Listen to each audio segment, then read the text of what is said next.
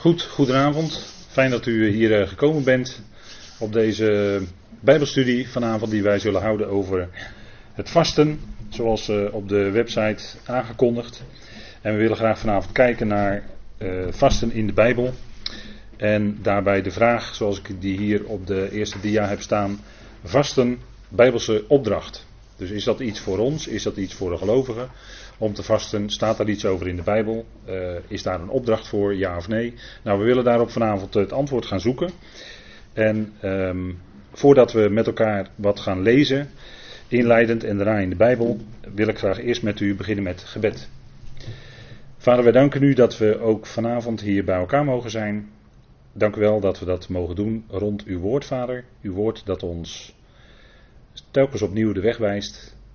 Ons laat zien wie u bent bovenal, Vader. Dank u wel dat we door u leven hebben ontvangen in uw zoon.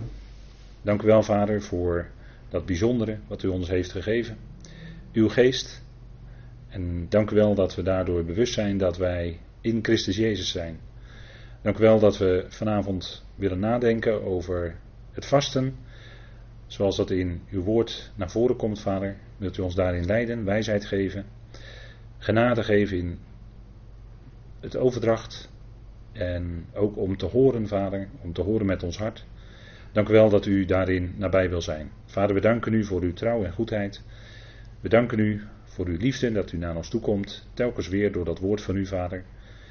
Dat uw armen altijd onder en rondom ons zijn. Dank u wel dat u ons vasthoudt. Wij danken u, wij loven en wij prijzen u in de machtige naam van uw geliefde zoon. Amen. Goed, vanavond willen we nadenken over vasten. En u heeft daartoe een tekst uitgereikt gekregen. En ik wil uit die tekst dan wat inleidend eerst met u lezen. En daar beginnen we maar gewoon bij de inleiding. Tegenwoordig wordt ook in christelijke kring steeds vaker gevast. Zo'n 40 dagen voor Pasen krijg je bijvoorbeeld van christelijke boekhandels reclame. Die dan, uh, met boeken die dan gaan over de zogenaamde 40 dagen tijd. En daarin wordt er dan aangeprezen dat uh, mensen dan een periode van vasten hebben. Dat is meestal na Pasen toe, hè, de 40 dagen tijd. De Rooms-Katholieke Kerk die kent dat, maar daar komen we later nog wel op terug. En dat is dan uh, zich onthouden van eten en van drinken, tenzij je natuurlijk noodzakelijk water moet drinken. Je moet wel blijven drinken uiteraard, maar zoveel mogelijk onthouden van eten. En daar doet men aan handreikingen door middel van boeken, uitgaves. En men zegt ook dat dat een toenemende, toenemend iets is binnen de christenheid. En ik weet dat vorig jaar is daar vanuit kringen van, uh, ik dacht dat in het programmablad van de EO iets gestaan heeft over vasten. En ook in andere publicaties, waarin nogal uh, dat vasten sterk naar voren werd gebracht als iets dat voor de gelovigen zou kunnen zijn. We hebben een, uh, ja, er zijn 40 dagen kalenders, er is zelfs een 40 dagen app natuurlijk tegenwoordig. En men kan zo op die manier toeleven in die 40 dagen tijd naar Pasen toe, in dat, met dat vasten. Als we kijken naar diverse religies, want als je nou afvraagt wie vaste er nou eigenlijk in deze wereld, nou dan kunt u eigenlijk er wel van uitgaan dat iedereen die op een of andere manier bij een religie betrokken is, dat die wel iets weet van vasten. In uh, religies als het Hindoeïsme. En ik heb me even beperkt tot wat hoofdreligies, wat, waar de meeste mensen dan bij betrokken zijn in deze wereld. En ik laat allerlei kleinere wat buiten beschouwing. Hindoeïsme, kennen ze het, Boeddhisme, Islam, Christendom, Jodendom. En daaronder heb ik dan gezet voor wat betreft geloof, binnen kerken wordt meer en meer gevast en ook binnen evangelische groepen wordt het steeds meer uh, populair, om het zo maar te zeggen. Nou, de islam als. Uh, en wat is vasten? Dat heb ik al heel even aangegeven. Een vasten is een zekere periode niet eten en eventueel niet drinken of alleen water drinken. En dat met de bedoeling om dichter bij God te komen. Of bij de Godheid of bij nou goed, daar zullen we nog wel wat over te zeggen hebben. Dan de islam, die kent natuurlijk, en wie kent dat niet bijna tegenwoordig, collega's die van de islam zijn en dan op een gegeven moment de Ramadan houden. En dan eten en drinken ze niet, die eten en drinken zelfs niet, van zonsopgang tot zonsondergang en dat dan een maand lang. En die maand die verschuift steeds in het jaar, want de islam kent eh, wat andere maandvolgorde. Uh, en dan uh, mogen ze dus na zonsondergang wel eten en drinken. Dat is dan, en dat moeten ze dan een maand lang doen, dat is de maand Ramadan. Maar dat acht ik wel bij u bekend. Hè? En zij kennen ook andere momenten van vasten, dat is misschien wat minder bekend. Elke maandag en donderdag, eventueel, dat is een keuzemogelijkheid. De Ramadan dat is behoorlijk uh, verplicht. Tenzij het gaat om oudere mensen, zwakke mensen, zieke mensen, zwangere vrouwen, die hoeven allemaal niet daaraan deel te nemen, om begrijpelijke redenen. Omdat je door vasten toch lichamelijk verzwakt. En daar zit ook een punt. Dat zullen we vanavond nog wel verder aanstippen. Uh, de zogenaamde witte nachten. En dan kan men op bepaalde momenten dus uh, s'nachts ook ja, daaraan deelnemen aan een vorm van vasten. En in de maand voor Ramadan kan er eventueel ook gevast worden. Nou, dat is al even, alleen even puur informatief. Dan in het Jodendom, daar kent men ook een vasten.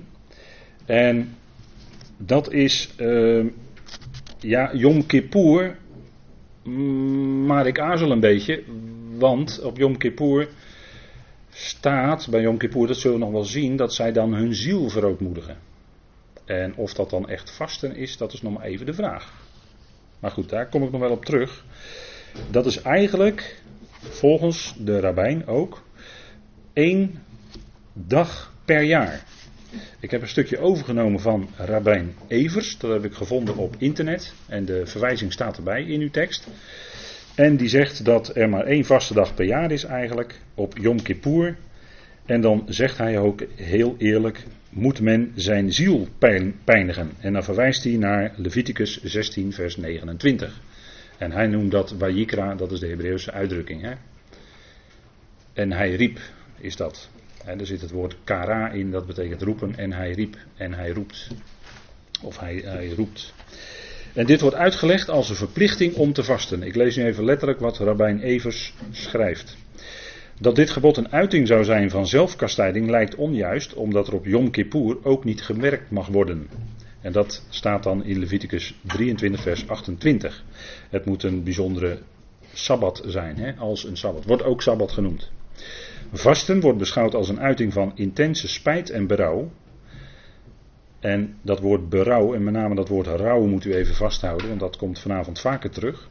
Als uiting van een fervent gebed om vergeving en genade en als een ritueel symbool van zelfopoffering. Alleen op de meest plechtige dag van het jaar werd een zware vastendag ingesteld. Incidenteel werd er gevast als noodmaatregel in geval van calamiteiten en rampen. De Torah vermeldt enkele eeuwen na Mozes de burgeroorlog tegen de stam Benjamin, die veel onlustgevoelens veroorzaakte wat tot uiting kwam in een vasten. En dan verwijst hij naar de profeten en Samuel, daar komen we allemaal nog op. En dan zegt hij, vasten wordt in de Torah duidelijk beperkt tot speciale gelegenheden. Het pijnigen van de ziel op reguliere basis is in strijd met het behoud van het leven, dat zo vaak als opdracht in de Torah verschijnt. Dus je ziet dat de rabbijn ook zeer terughoudend eigenlijk spreekt over een verplichting tot vasten. Eigenlijk niet. En het punt is dat het woord vasten ook in de Torah, dus dan bedoel ik de eerste vijf boeken van de Bijbel, in de Torah als onderwijzing, als opdracht komt het woord vasten niet voor. En dat is denk ik een hele belangrijke aanwijzing die wij dan al in het begin van de Bijbel vinden, hoe dat zit met vasten. Het christendom begint de vastentijd, althans voornamelijk binnen de Rooms-Katholieke Kerk, op As woensdag. En dat dient ter voorbereiding op het paasfeest. En het is dan zeven weken lang. En dan worden de zondagen, hoeft men dan niet te vasten, zodat men dan op 40 dagen komt. 40 dagen vastentijd. En dat doet men om dan toe te leven naar Pasen. Binnen het protestantisme is er geen gezamenlijke kerkelijke traditie van vasten. Wel zijn er individuele protestanten die vasten in de 40 dagen voor Pasen. De precieze inhoud van het vasten gedurende de 40 dagen tijd is niet helder gedefinieerd. De, Rooms-Katholieke Kerk heeft in de loop van de eeuwen de regels omtrent het vasten versoepeld Er zijn mensen die meerdere dagen achter elkaar in het geheel niet eten, terwijl anderen zich onthouden van bepaalde luxe gewoonten, zoals roken, televisie kijken, snoep of alcohol nuttigen. Vaak wordt geld dat zo wordt uitgespaard bestemd voor een goed doel. Dan ziet u daar een overzicht waar het woord voor vasten voorkomt in de Tenach. En met het woord Tenach dan ben ik weer terug bij het Jodendom eigenlijk, zou, zou je kunnen zeggen. Ehm, ik heb op deze dia nog vier andere momenten van vasten binnen het Jodendom aangegeven. Ehm, en dat is in de vierde maand, de vijfde maand, de zevende maand en de tiende maand. En in de vierde maand, op de zeventiende, dat is de maand Tammuz, gaat het om de gebroken, wordt herdacht de gebroken stenen tafels. Onder andere, hè, want het zijn meer. Op de zeventiende wordt meer herdacht, maar dit is een van de hoofdpunten. Dus dat uh, Mozes dus de stenen tafels op de grond wierp in stukken toen hij zag wat het volk deed met gouden kalf. Hè.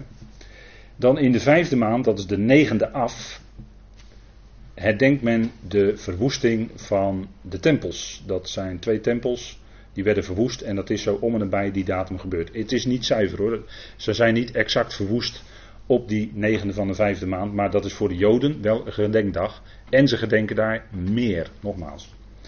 Dan is de derde Tisri, dat is de zevende maand, wordt herdacht de moord op Gedalja. En waar, als u dat wil, terug wil vinden in de Bijbel, dat staat in 2 Koningen 25. Die heb ik er niet bij gezet, dus die kunt u als u wil daarbij aantekenen. Bij de, uh, ter het nagedachtenis aan de moord op Gedalja is men binnen het Jodendom gaan vasten. En ik zeg erbij, binnen het Jodendom, daarmee bedoel ik het Judaïsme als religieus systeem. Uh, want deze vier momenten van vasten, die worden niet voorgeschreven in de Bijbel. En daar gaat het natuurlijk om. De vraag is vanavond, is vasten een Bijbelse opdracht? Nou, deze vier momenten is geen Bijbelse opdracht. Dat kan ik u wel vertellen. Dit is door de Joden zelf ingesteld. Dit is er ingekomen in de loop van de tijd. En dan hebben we nog de tiende Tevet, dat is de tiende van de tiende maand. En dan herdenkt men dat Nebukadnezar het beleg om Jeruzalem sloeg. En dat staat ook in 2 Koningen 25 onder andere, maar dat kunt u zo terugvinden in de Bijbel.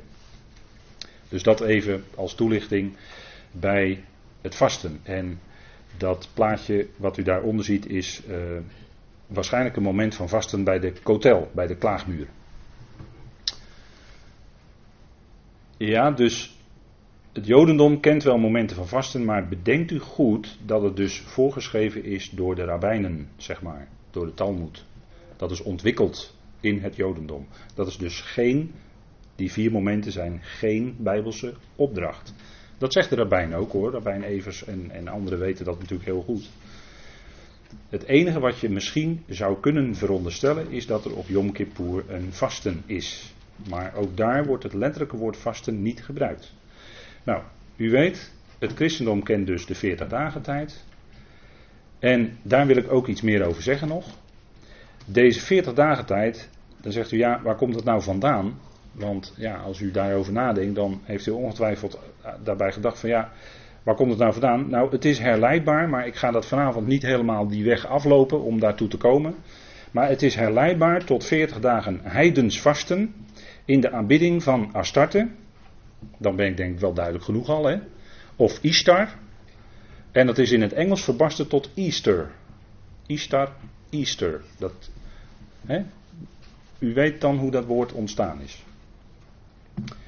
En u kunt dat terugvinden, dat boek staat ook gewoon online op internet, dus als u geïnteresseerd bent kunt u dat nalezen. Een zekere Alexander Hislop, een uh, predikant, die heeft daar een boek over geschreven, The Two Babylons. Het is in het Engels, het is niet vertaald in het Nederlands, dus u moet wat Engels kunnen. Maar The Two Babylons, or the Papal Worship, proved to be the worship of Nimrod and his wife. Dus hij bewijst daar in dat boek, hij toont aan dat de uh, aanbidding zoals die, of de, de, de, diensten en, en de Rooms-Katholieken uh, onder de paus, onder het pausdom, dat is eigenlijk hetzelfde als, de, als uh, Nimrod en zijn vrouw. Ik, dat was geloof ik Semiramis of zo, maar dat wil ik even af zijn. En die toont dat aan in dat boek, de Two Babylons. Dus hij ziet een treffende vergelijking tussen de heidense godsdienst van Babylon, want daar zitten we dan dus middenin, hè? Babylon, en als u weet wat Babylon in de schrift voor staat, dan weet u al genoeg op dit moment. En hij ziet dus een duidelijke vergelijking tussen Babylon en allerlei praktijken binnen de Rooms-Katholieke Kerk, volgens Alexander Hislop. En daar binnen die Babylonische godsdienst komt ook zo'n 40 dagen tijd, vastentijd voor. En dat heeft waarschijnlijk de kerk dus overgenomen. Ik heb wel gevonden, en dat is helaas door de tijdgebrek eh, heb ik dat niet kunnen verwerken, maar pas in het jaar 519 is door een zekere bisschop bepaald, en dat was volgens mij de bisschop van Rome, dus dat was de paus, eh, dat eh, die 40 dagen tijd verplicht gehouden moest worden binnen de Rooms-Katholieke Kerk. 519, dus 500 jaar over gedaan. Hè, omdat, dus van meet af aan, van origine af aan, was er in de oorspronkelijke gemeente geen sprake van vasten. Nou, vasten in de schrift. We gaan nu naar de schrift. Het Hebreeuwse woord voor vasten is tsum. En dat houdt verband in sommige teksten met het woord verootmoedigen. En dat woord tsum vinden wij dus niet in de Torah, in de eerste vijf boeken van Mozes. U ziet dat ook, uh, ik heb u een uh, complete concordantie gegeven op, in uw tekst in het Hebreeuwse, van het Hebreeuwse woord tsum. Dat is, het, dat is het woord voor vasten. En wij vinden dus het woord vasten niet in de Torah. Wat wij wel vinden, en dat wordt daarmee verbonden soms, is het woord verootmoedigen. En het woord verootmoedigen, dat betekent eigenlijk vanuit het Hebreeuws, dat is het woord uh, one of ona, wat u, hier wat u hier op de dia's ziet staan. En dat is een woord dat heeft te maken met, uh, ja, dat heeft een hele wijde betekenis eigenlijk. Maar het gaat erom dat je je erg op iets concentreert, erg op iets gericht bent. En uh, je daardoor ook, dat doen we dan met, een, uh, met dat woord verootmoedigen zo, maar het kan ook betekenen dat het smart of pijn veroorzaakt. Want dit woord vindt u ook in de naam Benoni. En u weet wat Benoni betekent, dat was de zoon van Rachel.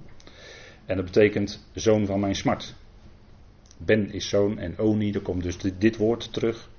Eh, one of uh, Ona. En uh, dat is dat woord smart. En dat betekent uh, van, van de, de eerste uh, oorsprong, betekent dat woord, zoals het in, in die tijd destijds werd, werd gezien ook, dat je dus met je ogen heel erg op iets gericht bent. Je bent dus heel erg op iets gericht. Het eerste woord, of de eerste letter van het woord is het woord ayin, en dat betekent oog in het Hebreeuws, of bron. En dat betekent dat je ogen heel intens op iets gericht zijn, op iets gefocust zijn. En uh, dat je daardoor verootmoedigd Je bent daar intens mee bezig. Dat woord, verootmoedigen, wordt gebruikt in Leviticus bij de grote verzoendag. En dat wil ik dan even met u lezen. Uh, in Leviticus 16. En dat woord. Um, Verootmoedigen komt daar dus wel voor, maar nogmaals, het woord vasten komt niet voor in Leviticus. Het komt niet, wordt niet genoemd bij Grote Verzoendag. Even kijken, dat was Leviticus 16.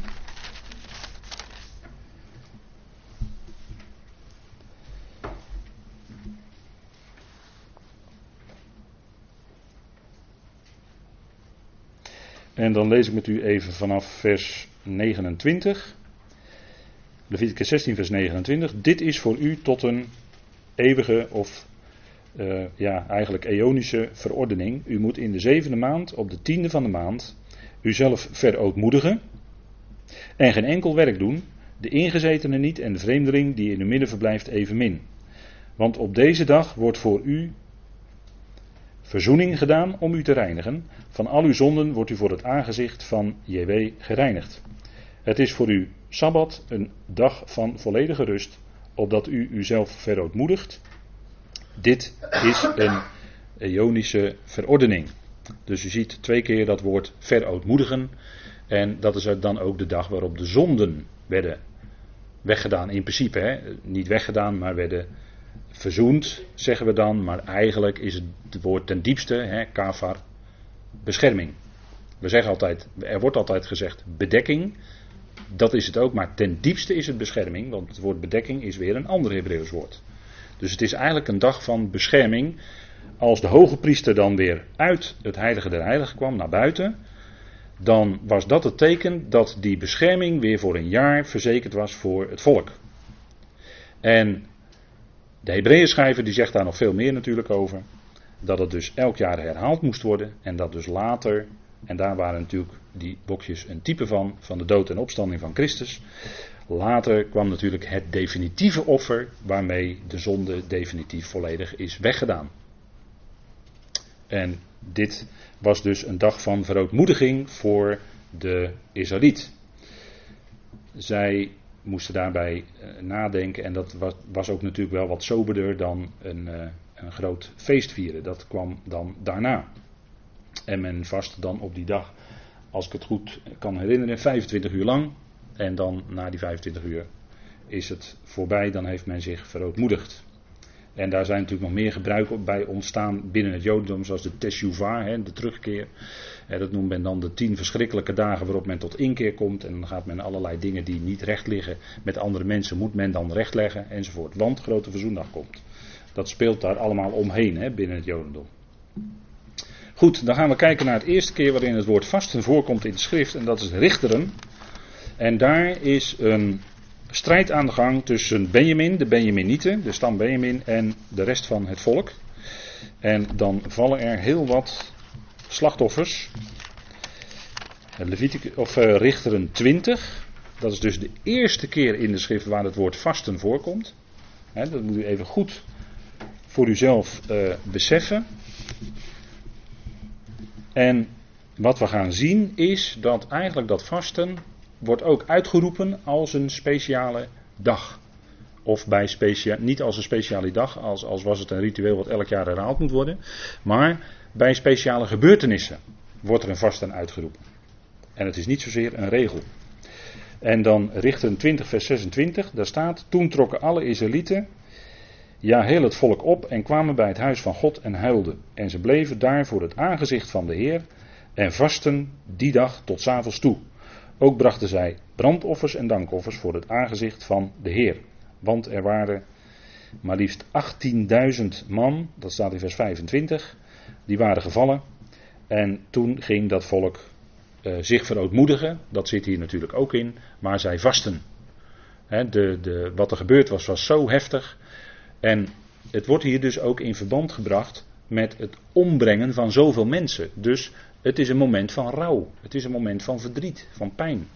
En dan wordt er gevast. Dus een bijzondere. Hè, en dat is natuurlijk. Uh, dat gaat natuurlijk door. Hè.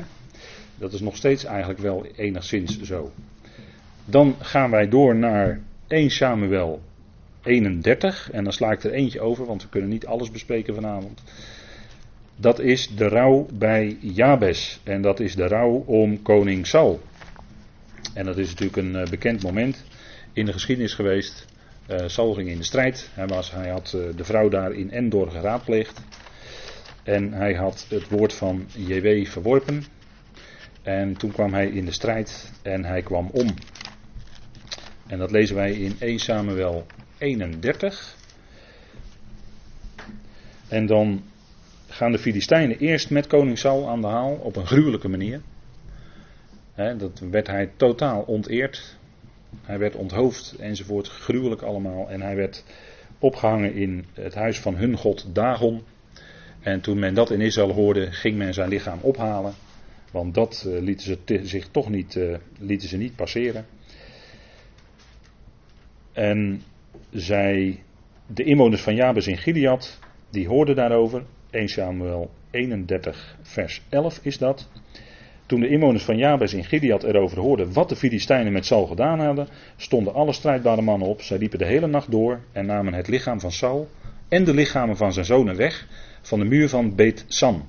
En ze kwamen in Jabes en verbrandden ze daar. Ze namen hun beenderen en begroeven die onder het geboomte bij Jabes en zij vasten zeven dagen. U ziet dat vasten ook hier met rouw in verband is. Hè? Want koning Saul is omgekomen. En wat er dan allemaal over hem ook gezegd kan worden, het was toch koning Saul. En, en rouwden zij, maar liefst zeven dagen, zij vasten zeven dagen.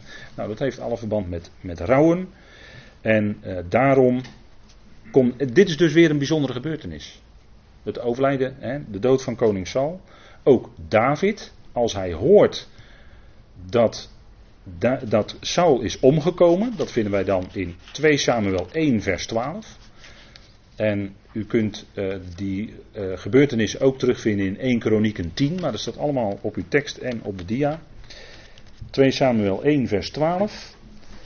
En er staat, toen David dus hoorde dat koning Saul omgekomen was en Jonathan, zijn zoon, staat er in vers 11 van 2 Samuel 1. Toen greep David zijn kleren en scheurde ze en al de mannen die bij hem waren deden dat ook. En zij bedreven rouw, huilden en vasten tot de avond over Saul en over Jonathan zijn zoon en over het volk van de Heer en over het huis van Israël, omdat ze door het zwaard gevallen waren. Dus je ziet heel duidelijk wordt in de tekst aangegeven dat dat vasten verband heeft met dood en rouw, zou je kunnen zeggen. Een bijzondere gebeurtenis. We gaan door naar 1 Koningen 21. En dat is ook weer een bijzondere gebeurtenis, namelijk daar wil koningin Izebel, koningin Izebel, en die wordt ook genoemd in openbaring, maar daar hebben we in de studie over openbaring over gehad. Maar die wilde die wijngaard van Nabot, die Nabot niet wilde afstaan, want het was zijn lotdeel, het was zijn erfenis. Hij wilde dat niet afstaan aan koning Agab. En toen nam koningin Izebel het heft in handen en zij organiseerde een vasten. En zij zorgde ervoor dat Nabot aan het hoofd van het volk kwam. En vervolgens werd Nabot in die positie door twee valse getuigen in staat van beschuldiging gesteld. U kent de geschiedenis denk ik wel. En dan, maar dat is dus, zij laat dus een vasten uitroepen. Dus een bijzondere gebeurtenis weer. Want een vasten moet uitgeroepen worden, speciaal. Over het volk. En dat vinden wij in 1 Koningen 21. En natuurlijk zitten hier ook profetische beelden in. Dat, dat, dat is altijd zo hè, met dit soort geschiedenissen. Er zitten bijzondere profetische beelden in. Maar goed, daar, daar gaat het natuurlijk nu niet over. Um, daar lezen wij in vers 9, 1 Koning 21 vers 9. En in, in die brieven schreef zij, roep een vasten uit en laat Nabot aan het hoofd van het volk zitten. En dan zie je dus dat in vers 12 zij riepen een vasten uit, zij lieten Nabot aan het hoofd van het volk zitten. En toen zorgde men ervoor dat hij door die valse getuigenissen gestenigd werd. En hij stierf dus en ter gelegenheid van dat sterven. En als Agab dat hoort, dan scheurt hij ook zijn klederen. En hij krijgt allerlei andere mededelingen. Maar in vers 27 staat het. En het gebeurde nu toen Agab deze woorden hoorde dat hij zijn kleren scheurde, een rouwgewaad om zijn lichaam deed en vastte. dat, en in dat rouwgewaad ging hij ook slapen en eh, liep hij langzaam rond. dat is, eh, en misschien heeft hij ook al as op zijn hoofd gestrooid, want dat deden ze ook. He. Dat rouwgewaad eh, als een soort zak, zeg maar, in zak en as zitten. Dat, was, dat werd letterlijk zo gedaan. in een zak zitten en dan as over je hoofd strooien als teken van rouw. En dat ging dus ook soms gecombineerd met vasten. En dat is in een situatie waarin een overleden is. Dan koning Jozefat, en dan zitten we een stukje verder in de geschiedenis. 2 Kronieken 20. 2 Kronieken 20. En als u de teksten naloopt, dan ziet u dat ik niet alles kan behandelen, maar dat is nou eenmaal 2 Kronieken 20, vers 3. 2 Kronieken 20. En Jozefat, die bracht het volk weer terug bij de Heer. Hij doorbrak een stuk afgoderij en hij liet ook een vasten uitroepen. Dat lezen wij in 2 Kronieken 20 vers 3. Jozefat werd bevreesd en zette er zijn zinnen op om de Heer te zoeken.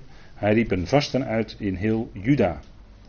En dat was dus, daar heeft vasten dan wat meer de notie van de Heer willen zoeken, eh, maar toch een speciale gebeurtenis. Hè? Hij roept speciaal op dat moment een vasten uit. Weer een bijzondere gebeurtenis. Jozefat, de goede koning van Juda.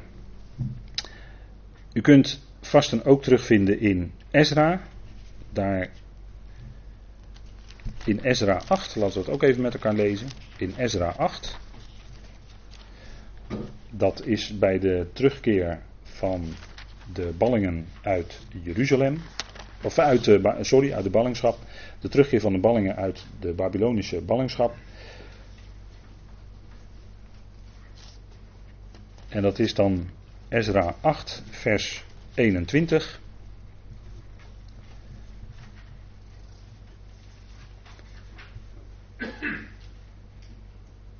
En er staat, en toen riep ik daar, Ezra 8 vers 21, toen riep ik daar bij de rivier Ahava een vasten uit, om ons te verootmoedigen voor het aangezicht van onze God, en om hem een voorspoedige reis te verzoeken voor ons, onze kleine kinderen en voor al onze bezittingen. En dan in vers 23, wij vasten en verzochten onze God hierom, en hij liet zich door ons verbidden. Dus hier gaat vasten met bidden gepaard, en zij kunnen terugkeren naar Jeruzalem. Maar het is een bijzondere gebeurtenis. En dat vasten is dan bedoeld om hen daarop te richten. En natuurlijk niet zozeer een iets wat je instelt waarmee je dan uh, Gods plannen verandert. Of waarmee je Gods mening wilt veranderen. Of hoe je dat ook noemen wilt. Want daar is, daar is geen aanwijzing voor in de schrift. Hè? Het wordt wel gedaan bij bijzondere gebeurtenissen. Maar uh, we zullen zien als men het bedoelt om uh, de Heer van gedachten te doen veranderen dus als het ware iets extra's, dat de Heer dan toch zou horen, dat, dat kun je eigenlijk niet, ook niet hard maken uit de schrift. En zo wordt die indruk wordt wel eens gewekt. ook vandaag de dag, als men dat vast en propageert. Um, het is meer iets voor jezelf, dat je misschien tijdelijk onthoudt van, uh, van eten, om je meer ja, op het woord te richten, op God te richten, hoe dan ook. Maar dat is dan puur voor uzelf iets persoonlijk wat u dan misschien zelf wil doen, al dan niet. Maar het heeft geen, uh, tot nu toe hebben we geen Bijbelse opdracht daarvoor gevonden. Hè? Dan bij Nehemia zien we het ook, dat Nehemia dus uh, betrokken is bij de terugkeer en de bouw van de muren van Jeruzalem. En Nehemia die vast en bidt als hij hoort over de situatie van Jeruzalem en de ontkomen Israëlieten. En dan is hij in berouw of in rouw over de omstandigheden dat heeft meer de, opnieuw weer meer de klank van rouw. die notitie heeft het meer dan, uh, dan dat het uh, iets bijzonders is wat voorgeschreven is. En dan zien wij in Nehemia 9, vers 1, dat het volk Israël rouwde en vastte in rouwgewaden over hun zonden en ongerechtigheden. En dat staat in Nehemia 9, vers 1, dat wil ik dan wel even met u lezen. Nehemia 9, vers 1. En daar staat op de 24e dag van deze maand verzamelden de Israëlieten zich met vasten in rouwgewaden en met aarde op hun hoofd. En wij vinden dat hier dat het volk Israël dat doet. Maar we hebben aan het begin gezien dat eigenlijk dat helemaal niet op zich het vasten niet zo bijzonder is. Alleen de omstandigheden kunnen zo zijn dat er gevast wordt. Maar bedenk dat in, eigenlijk in alle heidense religies ook gevast wordt dan denk ik, ik heb in het begin even genoemd het Hindoeïsme en het Boeddhisme. En daar wordt het vaak gezegd uh, dat, het, uh, dat het iets is, dat het iets goeds is, vasten, juist om uh, beter in contact te kunnen komen met de geestelijke wereld. Of met de geestenwereld, zou ik ook kunnen zeggen. Want wat gebeurt er met vasten? Met vasten wordt je lichaam verzwakt. En als je verzwakt, dan moet je uitkijken dat je niet ook in je denken verzwakt. En daar waar je in je denken zwak wordt, en in je, in je geest, daar hebben andere machten en krachten de gelegenheid om op jou in te spelen. En jouw gedachten te veranderen. En uh, ja, dat, dat, is, dat is dus een belangrijk punt. Hè? En daarom is het dat in diverse uh, religies uh, vasten juist heel belangrijk is. Juist om in een hogere sfeer, in een hoger, ja, tot een hoger bewustzijn te komen. Hè? Zoals uh, sommige goeroes dat dan ook wel zeggen, hè, in een hoger bewustzijn te komen. Nou, daarvoor is vasten heel belangrijk. En uh, ook in uh, spiritistische kringen is dat bekend, dat vasten dus hè, belangrijk is om dus beter met die geesten in contact te kunnen komen. er wordt tegenwoordig vandaag de dag niet zoveel meer over gezegd over deze dingen, maar zo ligt het wel. En daarom propageert men ook juist vanuit die eh, religies ook het vegetarisme in de zin van het geen vlees eten. Want als je geen vlees eet, is de gedachte dat je ook zwakker wordt. Terwijl juist direct na de zondvloed gaf God juist aan Noach de opdracht om vlees te eten. En dat heeft hoogstwaarschijnlijk ook hiermee te maken met die geestelijke dingen. Maar goed, we, we later, vanavond heb ik daar nog wel iets meer over te zeggen. Het volk deed dat dus en we zien dus eigenlijk steeds dat ook in het boek Esther komt het voor. Ehm, waar ook rouw wordt bedreven. En dat heeft natuurlijk te maken met die hele situatie van Haman, het Joodse volk. Daar werd bedreigd met uitroeiing en uh, als teken, ja, en daarover was men diep bedroefd. Esther. En dan lezen we even in Esther 4.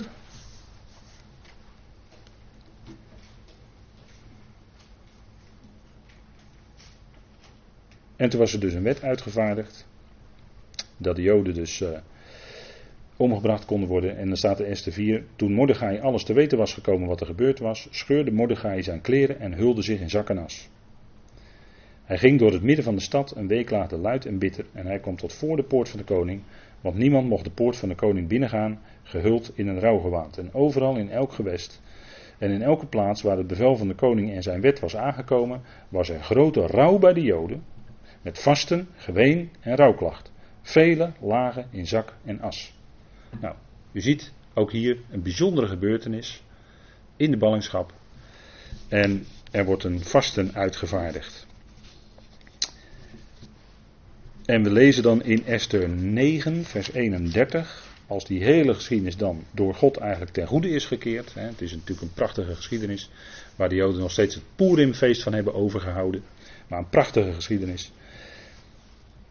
En dan wordt ook een vasten of in verband met Purim ingesteld. En dan staat er in Esther 9, vers 31. Om deze dagen van Purim te bekrachtigen op hun vastgestelde tijden. Zoals de Jood Mordechai en koningin Esther voor hen vastgesteld hadden. En zoals zij voor zichzelf en voor hun nageslacht de zaken over het vasten en hun weeklagen vastgesteld hadden. Dus dit is dan een extra instelling die ter gelegenheid van het Purim is ingesteld. En dan uh, zien wij vervolgens bij de profeten, en dan wil ik even met u naar Jezaja 58, want dat is uh, een tekst waarin het woord vasten diverse keren voorkomt. En waarin, we, waarin God ook wel iets zegt over dat vasten. Wat het volk doet. Jezaja 58.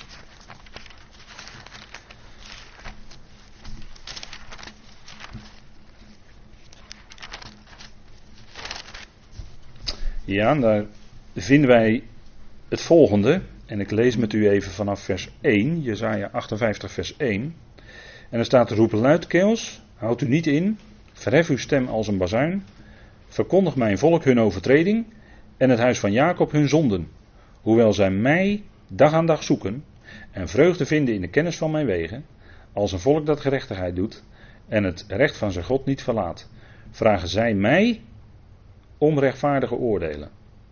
Zij vinden er welbehagen in om tot God te naderen.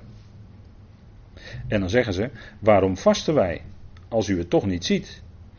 Kwellen wij onze ziel? En voor dat kwellen staat hier het woord verootmoedigen. Dus ook hier wordt het woord vasten in verband gebracht met het verootmoedigen, maar dat hebben we al diverse keren gezien. Waarom verootmoedigen wij onze zielen als u het toch niet weet. Zie op uw vaste dag, zoekt u welbehagen en beeld u al uw arbeiders af. Zie u vast om te twisten en ruzie te maken. En om goddeloos op de vuist te gaan. Vast niet zoals heden, zegt de Heer dan tegen hen. Als u uw stem wilt laten horen in de hoogte. Zou dit het vaste zijn dat ik verkies? Dat de mens zijn ziel een dag verootmoedigt dat hij zijn hoofd buigt als een riet en zich neerlegt in rouwgewaad en as. Noemt u dat vasten? En een dag die de Heer welgevallig is? Is dit niet het vasten dat ik verkies?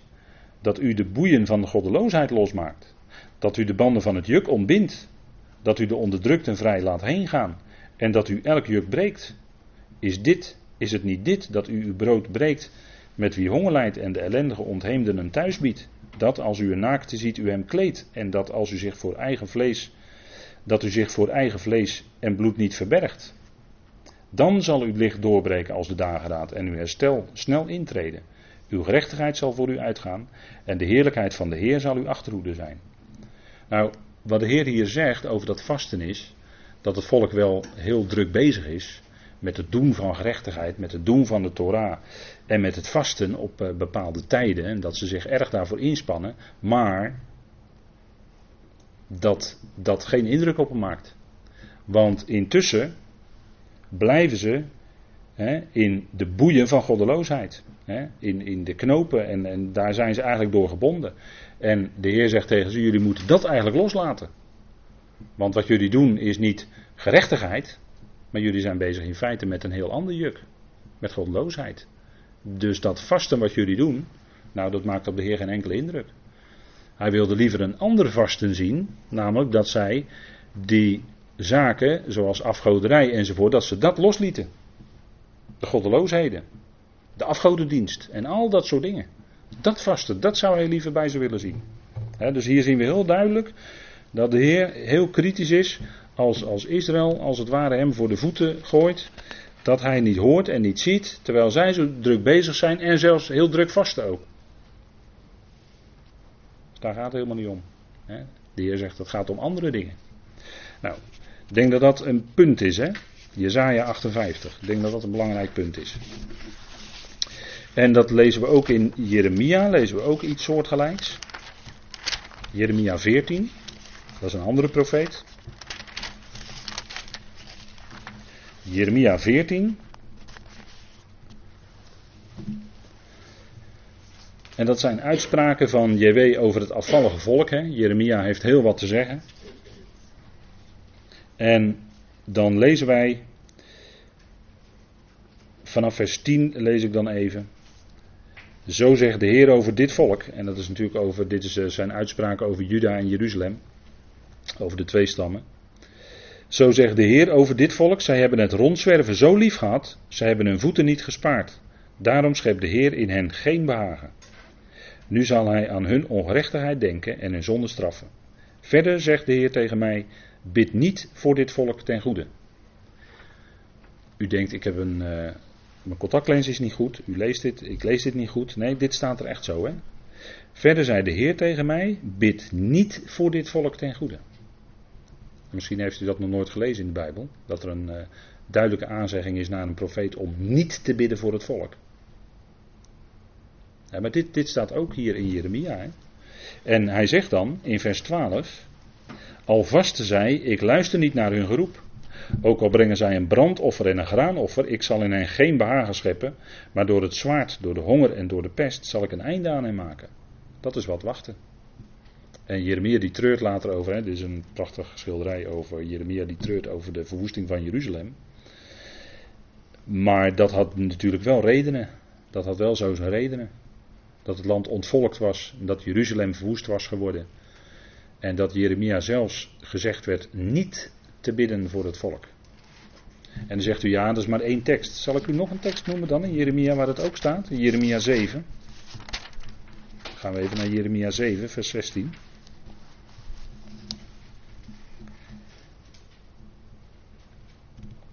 En u bidt niet voor dit volk.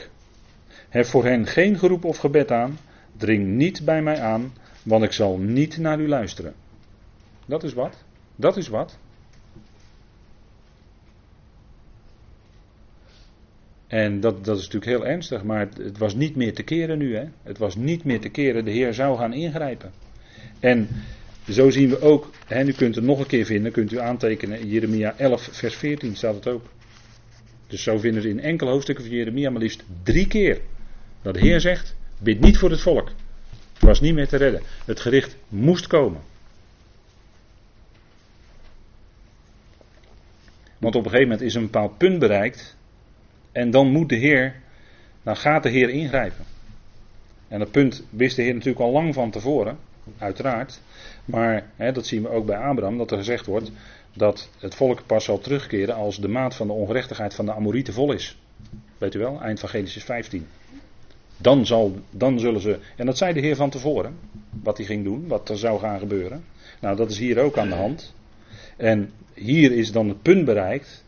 Dat het volk inderdaad in ballingschap moet gaan. En dat gebeurde dan weliswaar in drie fases. Maar zij moesten in ballingschap gaan. Jeruzalem zou verwoest worden. Zoals Jeremia het had gezegd. En niet al die profeten die naar hun eigen hart profeteerden. Want die zeiden wat anders. Die zeiden het zal vrede zijn over Jeruzalem. Jeremia zei nee, Jeruzalem gaat verwoest worden. En Jeruzalem werd verwoest. Want dat was het woord van de Heer. En dat is ernstig genoeg. Als, als gevolg van hun afgoderij. En zo kwam het ook. En we zien in de loop van de geschiedenis van Israël dat onder dezelfde omstandigheden het volk dient de Heer niet, het volk gelooft niet, het volk is een, doet afgoderij. Gaat hetzelfde gebeuren. En in die tijd leven wij. En het is nog niet tot een toppunt gekomen, maar dat toppunt komt nog. En dan, ook dan zal Jeruzalem weer verwoest gaan worden. Zacharia 14, daar staat het. Jeruzalem gaat nog een keer verwoest worden. En dan wordt het land opnieuw ontvolkt. Dan wordt het tohu vabohu, woest en ledig. Staat er dan in de profetie. Hè? En dat gaat gebeuren, dat gaat weer gebeuren. Maar Jeremia krijgt dus de opdracht niet voor dit volk te bidden en ook zelfs als ze daarbij zouden vasten, dan zou dat niet helpen. Het zou geen extra zijn waardoor de Heer zijn plannen zou wijzigen. Het gaat gebeuren. En dan zien we tenslotte om de Tenach af te sluiten, Zacharia 7 als laatste. Zacharia 7. Dat is een van de laatste profeten die in onze Bijbel dan zo geordend staat. En Zacharia was een profeet na de ballingschap. En de Joden keerden terug uit de Babylonische ballingschap. En daarbij moet u bedenken dat zij in die Babylonische ballingschap het verlangen weer hadden gekregen om zich aan de wet te houden, aan de Torah te houden. En daar komt dat hele systeem van regels, van uitleg van de wet, hoe zij dan de Torah moeten doen, wat wij kennen onder andere in de Babylonische Talmud vandaan. Dus in die ballingschap, in die Babylonische ballingschap, hebben zij, om het zo maar te zeggen, het Judaïsme als religie ontwikkeld. Hè? Het Jodendom. Want het Jodendom of het Judaïsme is dus niet een houden van de Torah, maar het Judaïsme is voornamelijk het zich houden aan de Talmud. De Talmud is daarin veel belangrijker, in feite, in de praktijk, dan wat de Torah zelf zegt. En dus in die Babylonische ballingschap hebben zij het Judaïsme ontwikkeld. Dat is, heeft zijn weerslag gevonden onder andere in de Babylonische Talmud. En uh, daarin staat ook dat uh, onder meer dat vasten opgenomen. En dan lezen wij in Zacharia, want als je die profeten leest van na de ballingschap, hè, dat noemen we met een heel mooi woord de post-exilische profeten, hè, de profeten van na de ballingschap, daarvan is Zacharia er ook een, dat de Heer zich eigenlijk alleen maar scherp kritisch uitlaat over dat judaïsme. De Bijbel spreekt eigenlijk nooit positief over het judaïsme. En de Heer Jezus liep daar ook bij gelegenheid heel hard tegenaan. En dan nam hij geen blad voor de mond. En dan zei hij de dingen die wij op die manier niet zouden durven zeggen.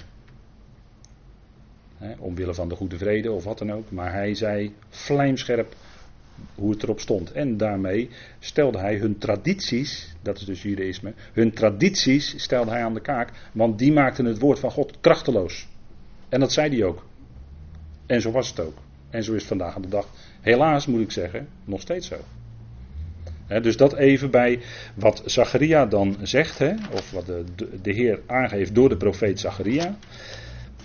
Daar staat, gehoorzamen is meer dan vasten. En dan gaat het even vooral voor ons vanavond om vers 5, want ik laat u de teksten horen waarin het woord vasten staat. Vandaar dat we de context dan heel even laten liggen verder. Zeg tegen de bevolking van het land en tegen de priesters: Wanneer u deze 70 jaar gevast en rouw bedreven hebt, in de vijfde en in de zevende, hebt u dan werkelijk voor mij gevast? Of als u at en als u dronk, was u het niet die at en was u het niet die dronk? Zijn dit niet de woorden die de Heer liet prediken door de dienst van de vroegere profeten toen Jeruzalem met zijn omliggende steden bewoond en gerust was en het Zuiderland en het Laagland bewoond waren? Dus u ziet dat de Heer wel iets zegt over dat vasten, wat ze ook in die ballingschap van 70 jaar hebben gedaan. Maar de Heer laat zich daar heel kritisch over uit. Hè? Uh, ze hebben weliswaar gevast en rouw bedreven in de vijfde en zevende maand. En dat hebben we ook al gezien, dat is nog steeds bij hen een uh, instelling. Maar uh, ja, de Heer zegt tegen ze, het, het gaat om uh, andere dingen, hè? daar gaat het niet zozeer om.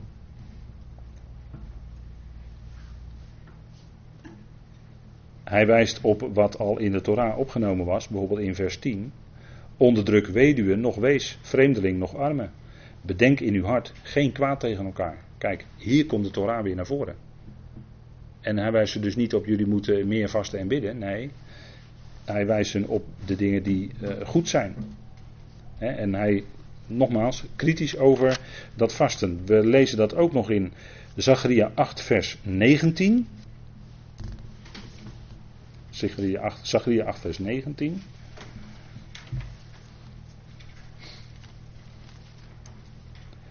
En er staat, zo zegt de Heer van de legermachten, JW Zebaot. En in de NBG-vertaling is dat steeds de Heere der Heerscharen. Hè. Maar in de herziene statenvertaling is de Heer van de legermachten. Het vasten in de vierde, het vasten in de vijfde, het vasten in de zevende en het vasten in de tiende zal voor het huis van Juda worden tot vreugde, tot blijdschap en tot vreugdevolle feestdagen. Heb dan de waarheid en de vrede lief. Dus dat was nu niet zo.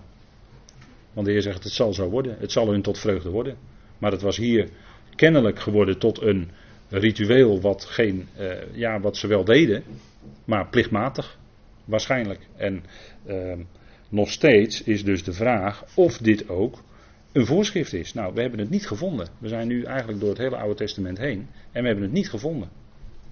Dat vasten een bijbelse opdracht is. Dan gaan we even naar het Nieuwe Testament of de Griekse schrift. En u heeft daarvan ook een concordantie van de diverse woorden uh, vasten. Het werkwoord, het zelfstandig naamwoord, uh, eigenlijk twee keer, maar dan op verschillende manieren geschreven. En dan lezen wij in Matthäus 4 dat de Heer vast. Maar het Griekse woord voor vasten uh, is eigenlijk, betekent eigenlijk niet eten. Dat, dat, het bestaat eigenlijk uit twee woorden, maar goed, het betekent eigenlijk niet eten. En wat de Heer dus deed in Matthäus 4, en daar wordt door sommigen die het vasten erg propageren, om het zo maar te zeggen, wordt daar wel naar verwezen. Van ja, de Heer Jezus vastte ook. Maar wat zeg je daarmee? Wat zeg je daarmee? De Heer Jezus vastte ook. Ja, dat is een bijzondere gebeurtenis. Hij vastte daar 40 dagen. Hij was in de woestijn, in de wildernis. En even gewoon praktisch gesproken, daar heb je niet zoveel mogelijkheden om te eten. Die heb je gewoon niet. Misschien dat er wat springkanen zijn die je op kan eten. En wilde honing. Maar. En als we bedenken dat het woord vasten gewoon eigenlijk betekent niet eten. Even gewoon de normale betekenis. Dan denk ik dat we. Hè, logischer is wat we hier lezen. Staat in Matthäus 4, vers 2. Nadat hij 40 dagen en 40 nachten had gevast, kreeg hij tenslotte honger. Hij was gewoon een mens. Hij was gewoon mens. Na 40 dagen had hij, eh, eh nacht had hij weinig te eten gehad. Waarschijnlijk wel te drinken, want anders hou je dat niet vol. En hij had honger. En daar speelde de tegenstander op in. En hebben dus wel weer toch dat, dat, toch dat verband met het, het punt van als je als een mens vast, hè, hier gaat dan over de Heer Jezus, dat is natuurlijk wel bijzonder, bijzonder mens. Maar als het om ons gaat, als wij vasten, dus weinig eten of uh, geen vlees eten, dan verzwakken wij. En bij de Heer Jezus kwam de tegenstander, hè? Kwam de tegenstander. Dus in die geestelijke wereld, begrijpt u? Vasten, in de geestelijke wereld gebeurt iets. Dat vinden we dus ook hier terug, hè? Dus daar ligt wel degelijk een verband. En uh, ehm, 40 dagen en 40 nachten, en hij kreeg honger. Nou, dan weet hij natuurlijk van de verzoeking. En dan zegt de Heer, ja, je zult niet leven bij brood alleen. En dat wist hij op dat moment heel goed, want net 40 dagen, 40 nachten, nou in ieder geval niet gegeten. En je mag dat vasten noemen. Maar uh, hij zegt ja, het gaat om het woord. Je zult leven bij het woord wat uit Gods mond uitgaat. Daar zul je van leven. En niet van brood alleen. En dat is ook voor ons de belangrijke aanwijzing natuurlijk in dit stukje. Dat de Heer op die verzoekingen van de tegenwerker ingaat met er staat geschreven. Dat was zijn wapen, dat was zijn. Hè, wij kennen dat in de Efezebrief in onze wapenrusting als een kort zwaard. Hè, er wordt een bijzonder woord gebruikt. Maar dat is een kort zwaard, een uitspraak van God. Dat zit in onze wapenrusting. En dat is een prachtig beeld, want Paulus die zat daar natuurlijk in gevangenschap.